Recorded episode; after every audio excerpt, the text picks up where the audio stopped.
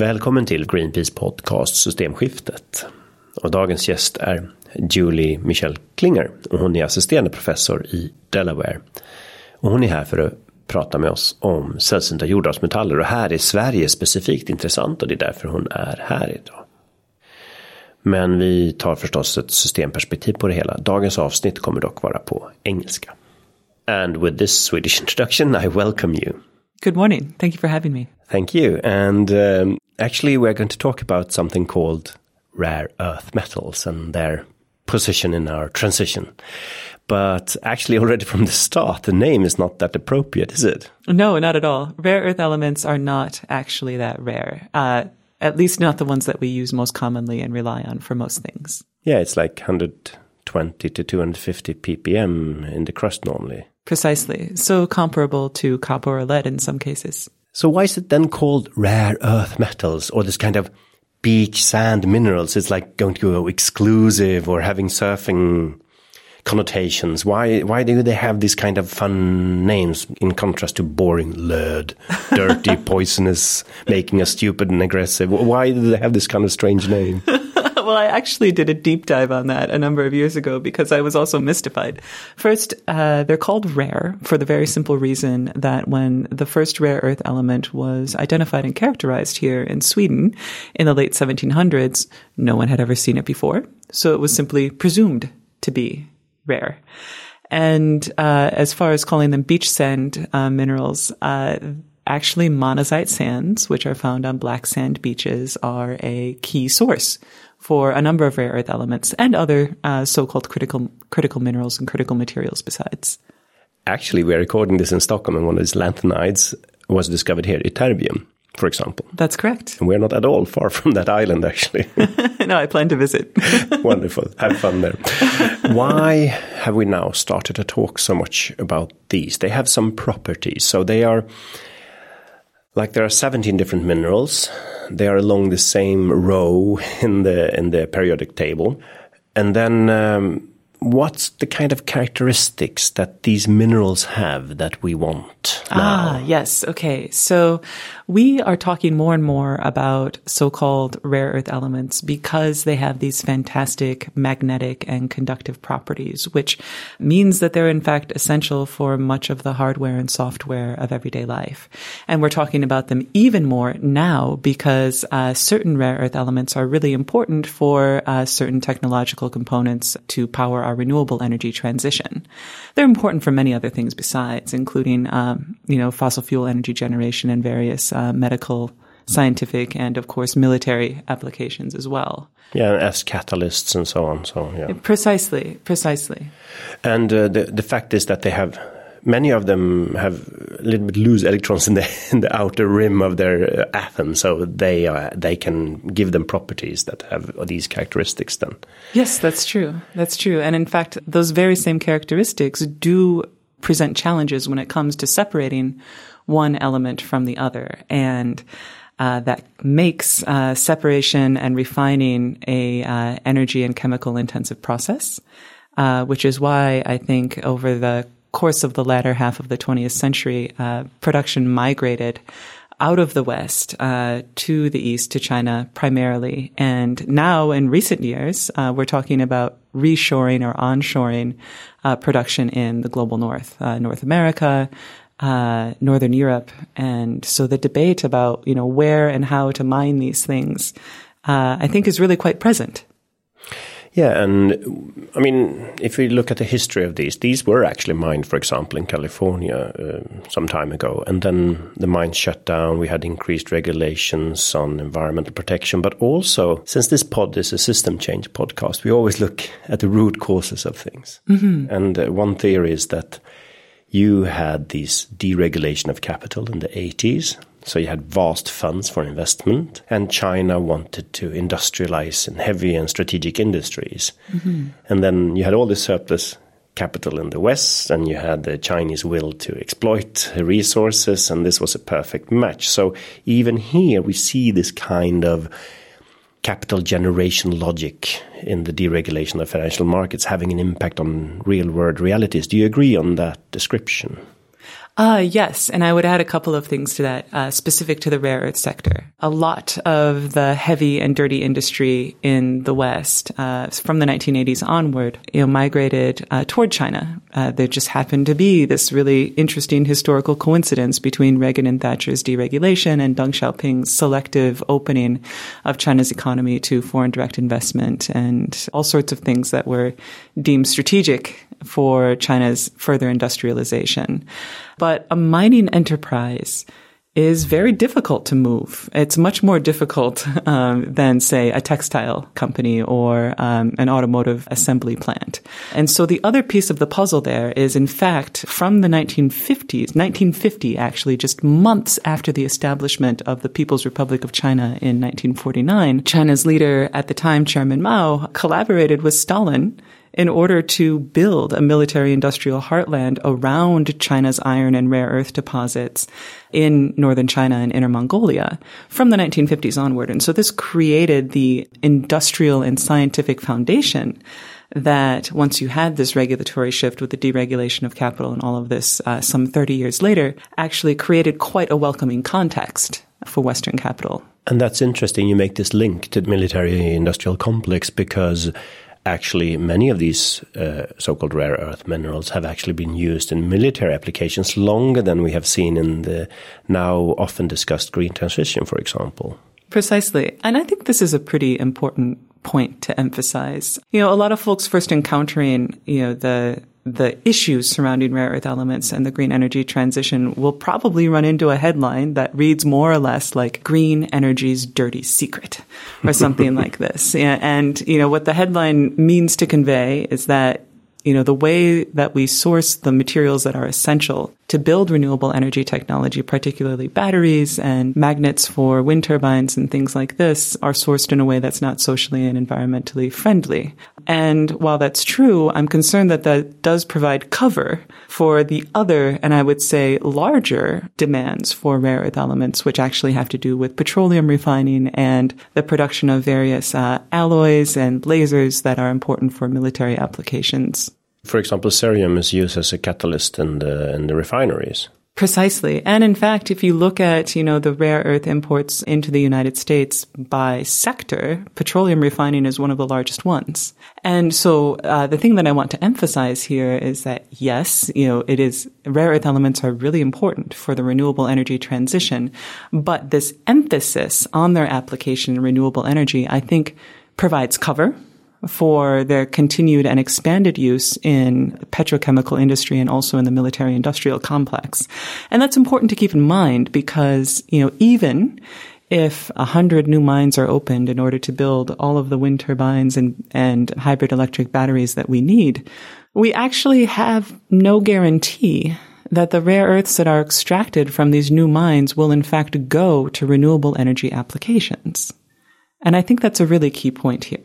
Yeah, I mean, and quite often actually the military can pay most for most things because their things are so expensive. But then that is actually a good uh, take here because this system change podcast often brings up you know the underlying root causes for environmental problems and mm-hmm. quite often this is kind of growth narrative we need always more every problem is solved by doing more rather mm-hmm. than less mm-hmm. like politicians talk about solving the current energy crisis, and many always mention building more, mm-hmm. and preferably then renewables, of course. What is quite often not so much talked about is why do we need all these things we buy? Mm-hmm. Why do we do all these transports? Why don't we actually, you know, decentralize services so people don't have to travel so far to go to the hospital or whatever they need to do? And why don't we spend more money on saving energy rather than you know building just new all the time because any new energy as we are talking about here has environmental implications but that's like quite often forgotten in the debate mm-hmm, precisely yeah i think there's a lot of concern with making sure that we can continue to generate enough energy to fuel perpetual economic growth. I think that's the primary concern. And I think that also helps explain why uh, you know, EVs, electric vehicles, occupy occupy such a central space in the you know sort of resources for the renewable energy transition debate. But I think if we're really concerned with resource security, if we're really concerned with energy security, then we will uh, turn our emphasis, our, our attention much more seriously to efficiency mm. and to reducing waste. So, for example, building, manufacturing millions of new electronic vehicles, in fact, may exacerbate our our resource and energy security problems if we're talking about you know single you know, single small vehicles and not talking about also building reliable public transport, particularly in places where people need it more, right? So we need to be talking about shifting demand from. And know, also shifting demand in transport. For example, the, the Swedish transport plans for 2040. If we would have the same growth in transport that they are planning for in 350 years' time, every single Swede would drive their car 24 7. right. And so that's clearly not sustainable. Exactly. But it's kind of, it was this physics professor Bartlett, he already said, I think it was in the 19th century, like humans' inability to understand uh, exponential equations is going to be our doom, more or less. that was unfortunately prescient, I think. yeah. Oh, and I mean, for example, where, where I live now, you know, there is no public transportation option to go from the town that I live in to the place where I work. And so, you know, these kinds of structural problems which force people into certain purchasing patterns, I think also need to be taken on to, you know, reduce our overall consumption of rare earths and other important resources. So, actually, what we're doing here is questioning the narrative that we always need to extract more, exploit more to have a green transition. Quite often, to avoid a trip or do it together with somebody else is actually a smarter solution because then you don't need the same amount of resources. It can be. It can be. But I, I do also want to be careful that we are steering away from sort of individual, like every little bit helps ism uh, here. And, make, and I want to make sure that we focus really on the structural issues that force people to have to choose between purchasing their own vehicle or potentially giving up more of their time, try and economize within a within an overall uh, system or social context that's fundamentally inhospitable to ecological behavior. A theory we have been talking a lot about in this podcast is the economic system we have was developed to increase production. The limitation on our well being and welfare was actually our capacity to transform nature into something that made our lives comfortable. Mm-hmm. Actually, we have solved that now. Our capacity to transform Earth is actually the problem now. We can produce for everybody's need, maybe not for everybody's greed, but at least for everybody's need. Mm-hmm and the new limiting factor is actually nature's capacity to deal with us, the ecosystem survival, climate and oceans and clean water. That is actually the limiting factor. But the economic system is still, you know, set for maximum growth and maximum extraction, maximum transformation. And we need to redesign that. And that comes back, as you say, that's not an individual decision to change the economic system. It's a Right, political goal. Um, precisely, because I think you know one of the key challenges here are the politics of distribution. We certainly produce enough to meet everyone's need, and and more to provide you know comfortable conditions for everyone. But that's not necessarily the social system of distribution. That's certainly not coming from the states that we have in many parts of the world. And so to think about where rare earth elements fit in the midst of all of these challenges, I think means that our mining debate is inseparable from our climate debate, which is inseparable from our social policy debate. And that can, that can often seem overwhelming, but I would actually beg to differ and say that, you know, viewing all of these things together and each thing related to the other provides, I think, a really important clarity because it forces us to think through the implications of our various choices. So, for example, the question of, you know, where do we source the critical raw materials that we need in order to decarbonize our energy grid? Even if we're assuming and of course, you know, the, I think the most immediate or mainstream answer is, ah, well, it's important to open more minds. And speaking from the perspective of, you know, of the global north, of Europe, North America, you know, there's also an important global environmental justice dimension as well, which says, okay, well, the global north cannot continue to, you know, take the resources of the global south of formerly colonized places in order to build beautiful renewable energy infrastructure in the global north. In order to be more responsible, it's important to source things closer to home. So it might be overwhelming for our listeners now to hear about this kind of overwhelming amount of complexity, but mm.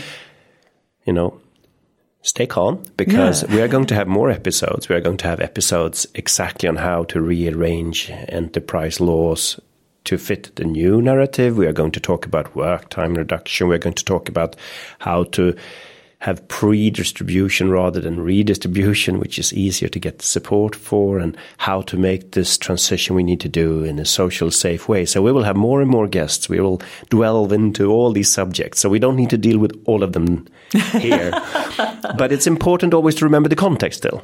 Precisely. Well, we cannot talk about the subject of human greed without actually exploring the ocean floors and the space in quest for even more minerals. Uh, what kind of developments ongoing here? Oh, this is this is fascinating. Uh, the there are parallel developments uh, underway uh, in efforts to uh, mine uh, the deep seabed and also to extract uh, various resources from certain areas of outer space, such as the moon, asteroids, and other planets. Now, in order for this to happen, um, existing international law requires that uh, that there's a consensus among nation states, and that there is a mechanism for um, parceling out uh, areas to be ex- explored, and then that there's also uh, various standards for uh, resource use and distribution. And I think the thing that's most uh, mind blowing about this, these parallel developments, whether it's deep sea mining or space mining, is actually how far along uh, the organization of uh, various policy alliances and investment capital are, in fact. But then, uh, from a Greenpeace perspective, one of our global campaigns is actually stopping the deep sea mining because of all its consequences on ecosystems and our planet, and, and generally just not respecting the system limits of the planet. What kind of policy measures would you feel would help us to stop exploration of deep sea mining? Mm, I think that uh, the same sorts of policy measures that would reduce uh, the pressure to open mines in uh, new ecosystems, uh, I think also apply to deep sea mining. And that is simply in, in our order of priority, we should first be looking to, uh, resource piles that are currently mischaracterized as waste. So we should be first extracting, uh, the critical materials that we need from e-waste and also from, uh, waste from existing mine sites. And I think if we actually did this at scale, if we treated this like a priority, it would, uh, I think, remove a lot of the momentum or pressure to exploit ever further and ever more extreme environments for these uh, critical raw materials. And uh, one of the measures we have been talking about is outright protection. It's only 1% uh, that is protected today. Yeah, absolutely. And, and this actually raises the point. There are uh, plenty of areas that simply should not be sacrificed to the global mining juggernaut. And these are one, areas that contain uh, precious resources such as uh, water, biodiversity, uh, rural and indigenous livelihoods. And two, these are areas about which we know very little. So we don't actually know uh, what we might be destroying uh, if we authorize large scale mining in these places. And by these places, I'm referring to, of course, you know, the deep seabed, uh, but also uh, certain contexts in outer space. We have a lot to learn about what is there.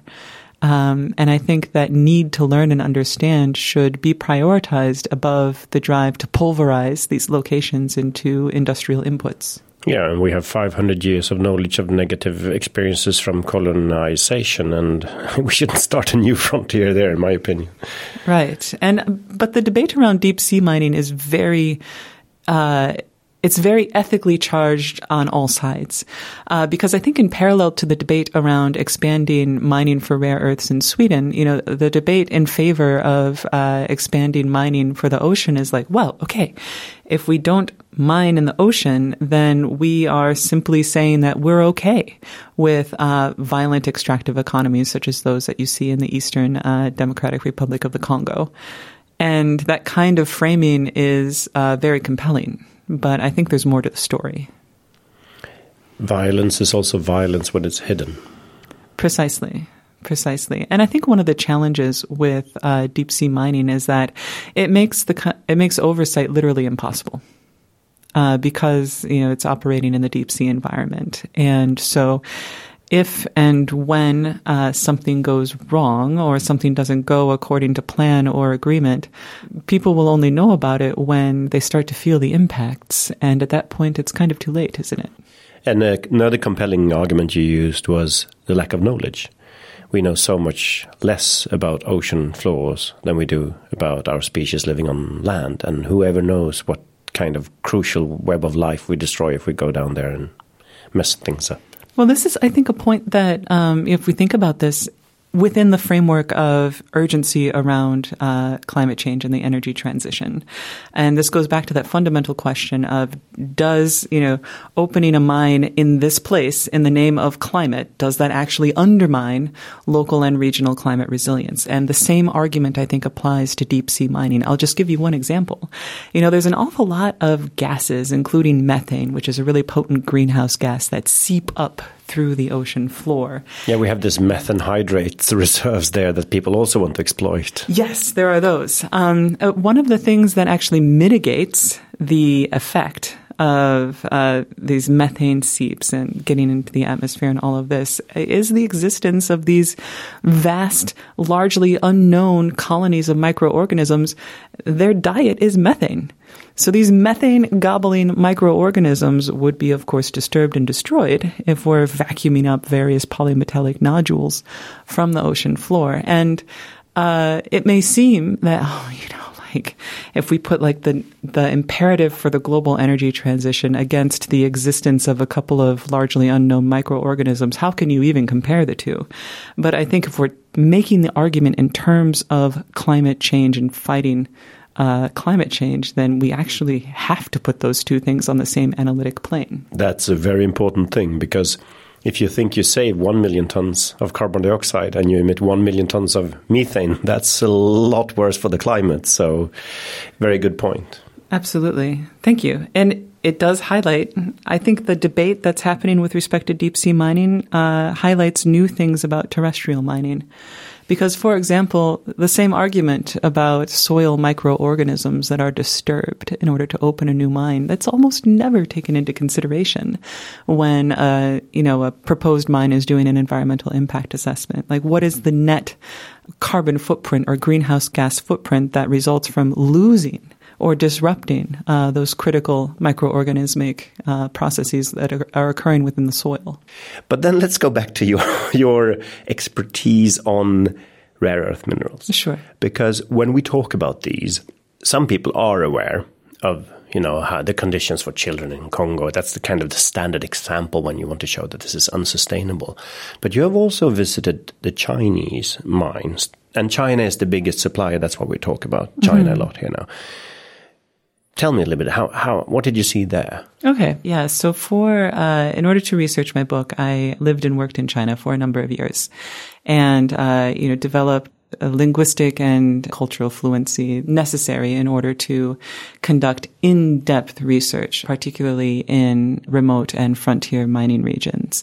And at the time that I was doing this research, which is now uh, a little over a decade ago, I encountered the, a whole range of mining practices from, you know, small scale, informal and minimal environmental controls to large scale industrial and sort of in the culture or practice of uh, attempting to continuously improve and mitigate social and environmental harms.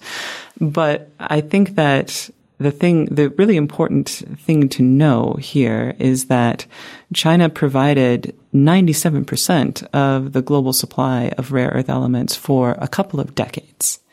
And just because China supplied most of the rare earth elements consumed globally, it doesn't mean that China has most of the rare earth elements. No, exactly. And, and already it's down to slightly under 80, isn't it? Precisely, yes. Um, in fact, since 2018, China has been a net importer. Yeah, because they do so much of the manufacturing. That's kind of interesting, isn't it? Yes, and that's a deliberate strategy to kind of move the country further up in the value added production chain to move away from, you know, exploiting their domestic resources and supplying primary commodities to the global market to doing more value added processing. And so, for example, you know, many of the rare earths that are mined globally, with a few exceptions, most of them are sent to China for processing and manufacture into technological components. And this pokes a hole in the argument a little bit that, oh, we need to have these mines to be less dependent on China if anyway we send the minerals to China to process them into products. Exactly. The important piece of the puzzle that's actually missing there is industrial capacity. And, you know, speaking from the perspective of the United States, this is really a glaring challenge that the middle of the industrial supply chain has effect- is effectively hollowed out. And so under that scenario, you know, without investment in manufacturing capacity and that sort of thing, you know, we could open a thousand new mines and it wouldn't fundamentally shift uh, the global division of labor, given the manufacturing capacity that's located in China. I think we need to be aware that's going to be another episode here. Okay. Uh, we had one in Swedish already on the subject of um, exploitation of labor that we are not always considering, like an exchange a business exchange with one dollar involved, it's like everybody perceives that as fair.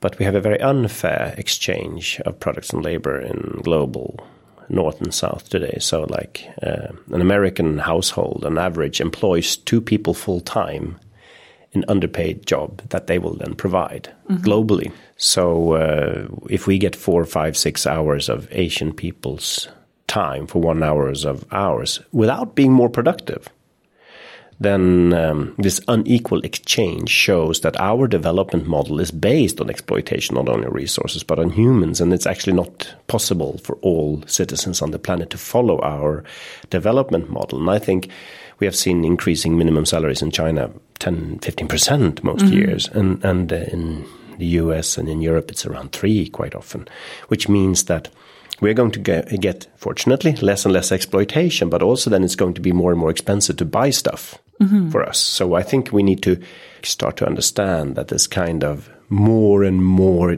cheap shit from various, uh, you know, Costco, similar stuff all over the planet, it's going to end. Mm-hmm. We have system limits on minerals and raw materials and land and surface area, and we have also then the system limits of exploiting people all around the globe. So this kind of abundance of stuff mm-hmm. that we are used to buy so cheaply that's going to end independent on policies we have at home.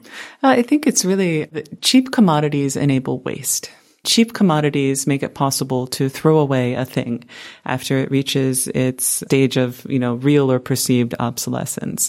And I think that's actually a big part of our problem.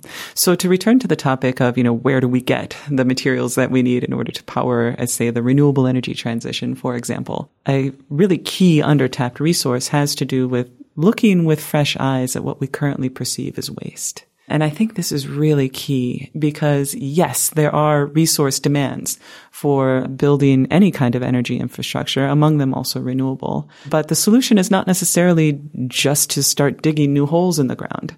We can also reprocess waste from other existing or uh, currently inactive mine sites in order to extract rare earths and other important materials.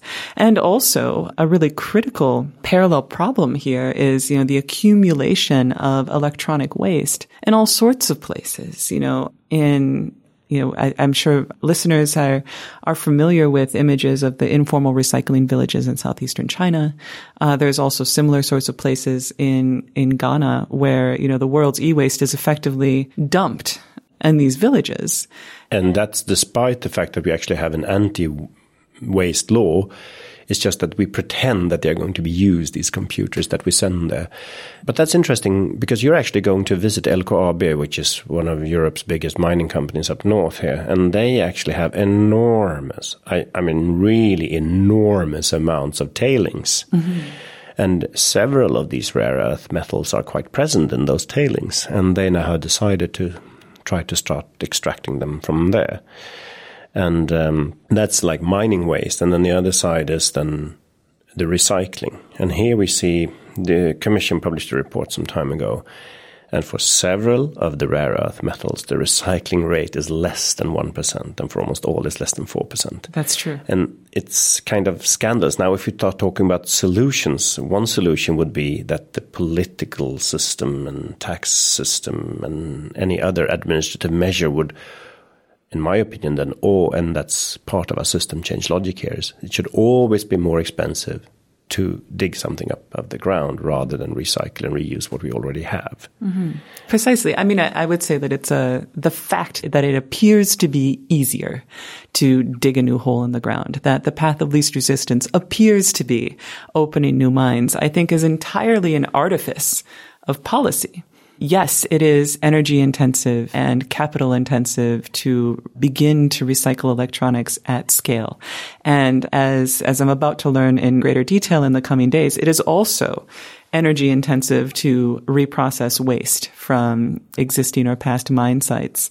But we also need to remember or really keep in view here just how incredibly energy intensive and capital intensive mining itself is especially these rare earth metals, since they are not like many traditional ores. Like you won't find a lump of them in nature, like you could find, a, you know, a gold nugget. Mm. You actually, they are, yes, in the mines they have higher concentration, maybe uh, like one promille or something like that. But uh, it's not like an ore which you can just take out and it's concentrated. That's not how these work.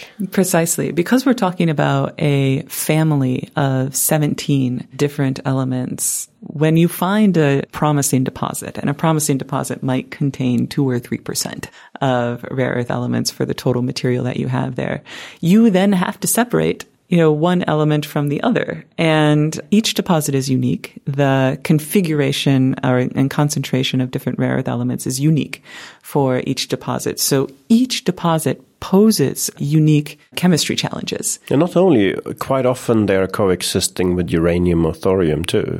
So Precisely. you have a radiological problem too often. Exactly. And, you know, going back to our earlier discussion, I think this helps explain why rare earth mining and processing migrated away from the West in the latter part of the 20th century because in many cases, rare earth mining also created a radioactive waste management problem. So if you're digging up uranium or thorium as part of your mining operations, then of course it is very expensive to manage that waste properly. And you have to manage that waste properly if you're conducting your mining in a context that has robust regulations. And so, uh, also then to return to the question of mining critical materials in the Eastern DRC or mining rare earths in an exploitive way in, in Western China, I think publics in, in the global Northwest are often confronted with this false choice if we want to have our renewable energy, then that means that we're exploiting landscapes and lives in, in Africa and East Asia. And I think that that is actually there's a lot of that argument that is actually made in bad faith. Not because there aren't social and environmental issues with mining in different parts of the world, but because mining isn't necessarily, it doesn't necessarily have to be socially and environmentally devastating. So for me, the cause for optimism amidst all of this is the fact that there are better and more responsible mining practices. The technology does exist, but within a competitive market framework, there are very few incentives for firms to actually implement best practices practices unless compelled to do otherwise. And in Sweden, every time we open a mine here, and we actually produce 91 to 93% of all the iron ore in, in, in, Europe, for example, or in European Union at least. We always believe anything done here is always with a high environmental standard and better than everywhere else, only because it's here. But we see now there is a high pressure, not only from Sweden, but also from Europe, that we should open one of these rare earth mines next to our second biggest drinking waters, uh, you know, Precisely. Uh, for hundreds of thousands of people drinking water. And yeah, I want to talk about this actually. Yeah, we should actually, but I want to mention like when people talk about best practice, not that is not good enough if it's too close to somewhere where you can't tolerate any leakage and so on. Precisely. Yeah. And so, you know, a really important piece of the renewable energy transition debate is precisely about sourcing the raw materials that are needed closer to home, so to speak.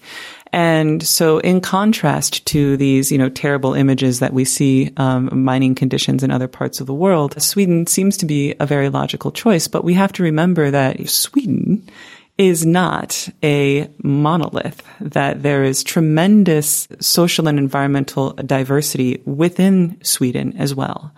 And so simply locating a mine in Sweden or in Norway or in Portugal for that matter is not in itself a solution. We have to look at where the mine is located. And particularly if we are justifying opening new mines in the name of fighting climate change, we have to then be very attentive to whether or not the location of the mine actually undermines local climate resilience. This is a question we need to be asking globally, of course, but I think the debate in Sweden really crystallizes this issue because the possibilities are open a rare earth mine in southern Sweden, which is further away from indigenous territories or indigenous peoples in the north. But where you locate the mine in southern Sweden is also really quite important because if it's located near a critical drinking water source, that could potentially undermine climate resilience and local livelihood security, particularly if or when there is a mining related accident or disaster.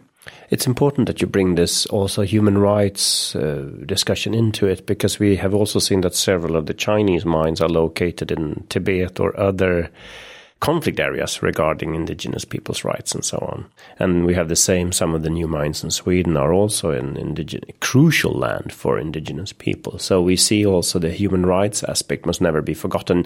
It's like you can't sacrifice water or human rights or local rights to good livelihood for you know a dream about an energy intensive and resource intention intensive transition Precisely. And I think actually this brings out a more fundamental issue when it comes to thinking about the geography of mining, like where we mine or where mines are placed.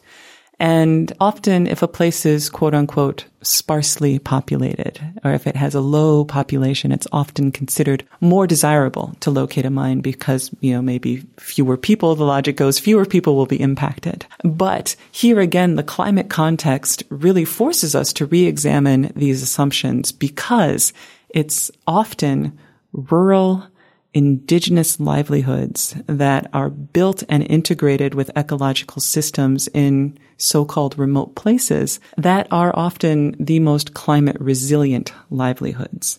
And so to locate a mine in a place like this where rural and indigenous livelihoods would be disrupted or destroyed undermines local climate resilience. And in fact, you know, from a crass policymaking perspective adds to the numbers of people who might be dependent then on more public support when the next climate disaster happens.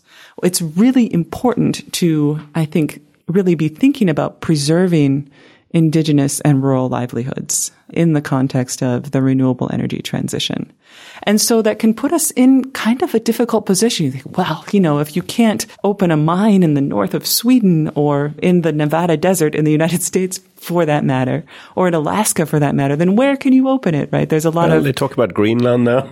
right. Well, there's a lot of, you know, throwing up one's hands in the air. There's a lot of hand waving about this. But I think that that kind of frustration, I think, stems from the perspective that the only way forward is to build a new mind, to open new minds. Exactly. And, and actually, I would, my counter argument there would be actually, probably the biggest minds in Europe would be Paris, Hamburg, Rome. I mean, just actually increasing those recycling levels could help us a, a long way. In this commission study I talked about, for some of the rare earth metals, actually 100% recycling or close, 80 or something, would actually make us self-sufficient already now. And for some, mm. it's not the case. So for some of the rare earth metals, already you would be self-sufficient if we had recycling in place. Precisely. So I, what I would like to see is a sort of a hierarchy of resource exploitation methods. Method number one, let's look at waste first. Let's look at our current and long-standing waste sites, whether that's electronic waste that's accumulating in dumps or landfills uh, or isn't adequately captured for recycling. And let's also look at tailings from current and past mining operations. And I would say only after we have really exhausted or come near to exhausting those resources should we talk about digging new holes in the ground. Now, there's a lot of resistance to that idea, you know, on the basis that, of course, recycling is energy intensive and expensive. But I would like to argue that also mining is energy intensive and expensive. But they're not paying their cost, so that's why it's still cheaper. Precisely. It's subsidized. The public bears the cost in a number of often invisible in the near term ways. So, like we always talk about fossil fuel subsidies. Mm-hmm. But actually, the mining sector is heavily subsidized by, for example, in Sweden, they, they are subsidized by 3 billion euros every year, not paying landfill waste taxes, for example. Mm-hmm. So you, you see this everywhere in, in the world that they don't pay their environmental costs, and therefore it's profitable compared to reusing stuff that we already dug out. And quite often, many of these minerals are actually in higher concentrations in our mobile phones than they are in the mines. Mm-hmm. Yeah, that can be the case. So, when it comes to recycling or targeting our current wasteful practices as the next extractive frontier instead of digging new holes in the ground, the challenge is not technological. The challenge is actually social. And so similar to the way in which it took a lot of work to develop the social infrastructure at the local level to, you know, implement paper recycling and glass bottle recycling and all of this, we need a similar kind of social infrastructure that channels discarded electronics out of households, out of the industrial sector, and even from decommissioned infrastructure that channels all of this into recycling facilities. And for me, that's cause for optimism because the challenge is actually not technical. Mm. It's a matter of social infrastructure. In some rare cases, it is a little bit more difficult, but it's just because it's not profitable. We haven't put enough resources in it, also. Right. And the only reason it's not profitable is because we've designed things for mining to be easier and more profitable. And, you know, if we designed things that way, we can just as easily design things the other way. Yeah. And for example, one simple measure is to have a high refund on batteries and then you would normally bring it back when you don't use it anymore instead of having it in a drawer for 20 years and nobody uses it and then it's thrown away when you die. Exactly. So, but but um, I want to move up one step in this hierarchy of measures. And that is, we are now talking about recycling. And then part of circularity, for example, is that you don't maybe need to own everything yourself.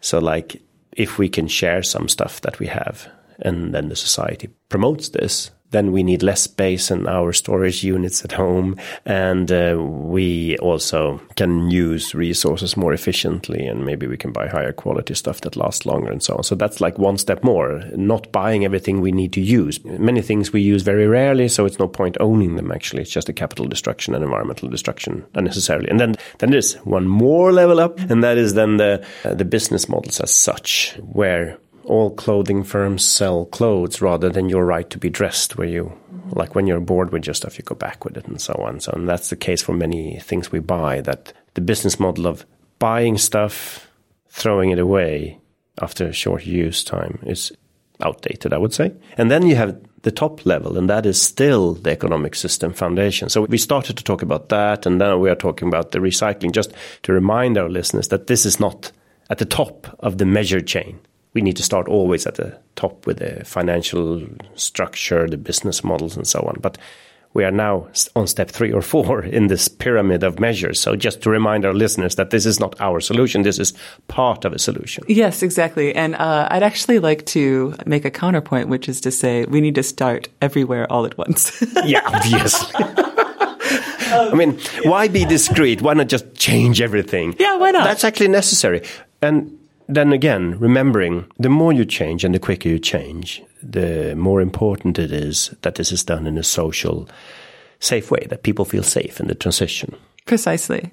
And, you know, when it comes to challenging the prevailing economic model, one which really runs on waste, our current economic model doesn't run on scarcity. It runs on waste, which is necessary for manufacturing scarcity. I think that it's actually stymieing or limiting innovation. I think there's a phenomenal innovation and design opportunity here to redesign many of the things that contain important metals and materials in order to be more modular, in order to be more easily repaired, in order to be more easily broken down so that the components can be recycled and reintroduced to build a kind of circular economy.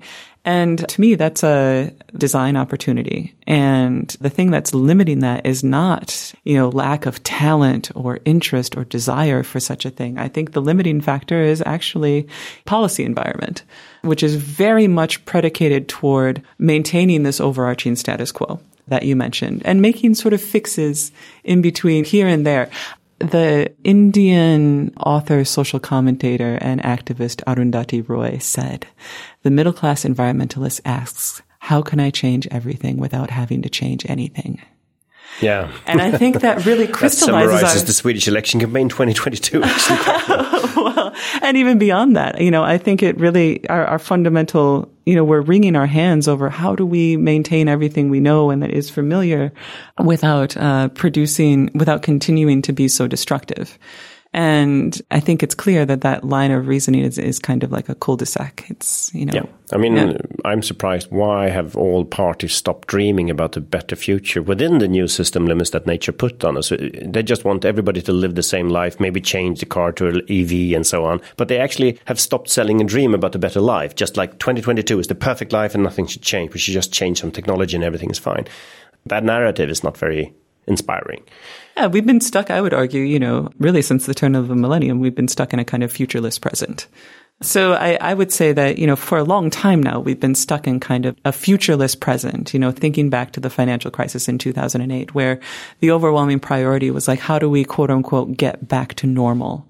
And, you know, this overwhelming priority with getting back to normal, whether it's in reference to the 2008 financial crisis or the ongoing COVID-19 pandemic, getting quote unquote back to normal is turning our eyes away from this dream, this necessary dream of a brighter future. And I think that it can be really scary to dare to dream in moments of ongoing uncertainty in all of this. But I would argue that it's more necessary than ever particularly as we're confronting the physical limits of our economic and energy systems. Yeah, it's all our innovation and efficiency gains are normally targeting to continue growth rather than to give us more spare free time. One of our episodes will actually be about working time reduction and its impact on uh, environment, how, how efficient measure it is. Uh, but that's for another episode. No, that would be marvelous. that, I, well, I think that that, that that issue bears directly on the rare earth debate. Yeah, it you does. Know, and it goes back to the point that you raised also about having more of a sharing economy, for example. So for a number of years, I lived in a place where I didn't own a vehicle. I was part of a car share program and that worked really, really well for me. But I could see how that would be difficult if everyone is expected to go to work from eight to five. Yeah, but I think there the pandemic actually showed many people, I mean, of course, many jobs you have to be there physically, but for some jobs like mine, I don't really need to go to office every day. I go twice a week or so, mm-hmm. and that gives me several hours more time with my children. Precisely. That kind of flexibility has direct resource impacts. Exactly. Because uh, if overall we need less of these kinds of, you know, private or privatized transport, then overall we can rely more on public and collective forms of uh, mobility and technology use even if my bike is from the 40s and probably have paid its resource use many times over by now. But anyway, Beautiful. Yeah, for most people, it's not that uh, energy and climate and resource efficient. One thing we mentioned a little bit is that how can we design products mm-hmm. to be easily recycled? And actually, I have a hidden secret here. I, I, used to be a member of parliament, vice chair of the environment committee, uh, the Envi- European Parliament, and um, one of the most efficient things we ever did there was the eco design directive to you know save energy. And in many many times when i wanted to regulate so that you would easily recycle stuff or easily repair stuff you had a huge lobby wave from the appliance industry that no, no, this would limit design, this would limit bullshit claims. Mm-hmm. What would you see here? You talked about modularity and, and uh, you know being able to recycle. H- have you seen any legislation anywhere that you would see that's a good step forward? Yeah, there's, um, I think there's actually a really deep history around uh, mandating efficiency, you know, for things like appliances and things like this. And there's always, you know, wailing and gnashing of teeth on the part of industry. But then lo and behold, you implement a standard and wow, people rise to the occasion, right? Precisely because it is an engineering and innovation opportunity. I remember the LED light discussion, the LED uh, light. Yes, yes. Yeah. oh, but there's going to be no romantic lightning, uh, lighting. It's all going to be, you know, we have having this boring fluorescent lamp. And I said, no, no, no. In one or two years' time, the LED technology will just totally dominate everything. And now you see all this kind of copying the early carbon thread lamps, for example, really beautiful light. So, so actually, this demand for efficiency actually improved also you know the possibility to have romantic lighting or whatever, lighting or whatever. But then, of course, you have the rebound effect. Then, mm. if your lighting uses a lot less energy, you tend not to switch it off, or you have you, you see more lamps in Sweden, for example. Actually, the the level of energy spent on lighting has not changed at all because we just had more and more lamps. So mm -hmm. we mm-hmm. always also must remember when we talk about technological change, you quite often have this rebound effect where you use more. Mm -hmm. Yes, that's true. That's a really important behavior level change, um, which you know if you're um, and I'm sure many of the listeners are are familiar with various uh, emissions reductions uh, graphs or charts. There's a wedge that has to do with behavior strictly.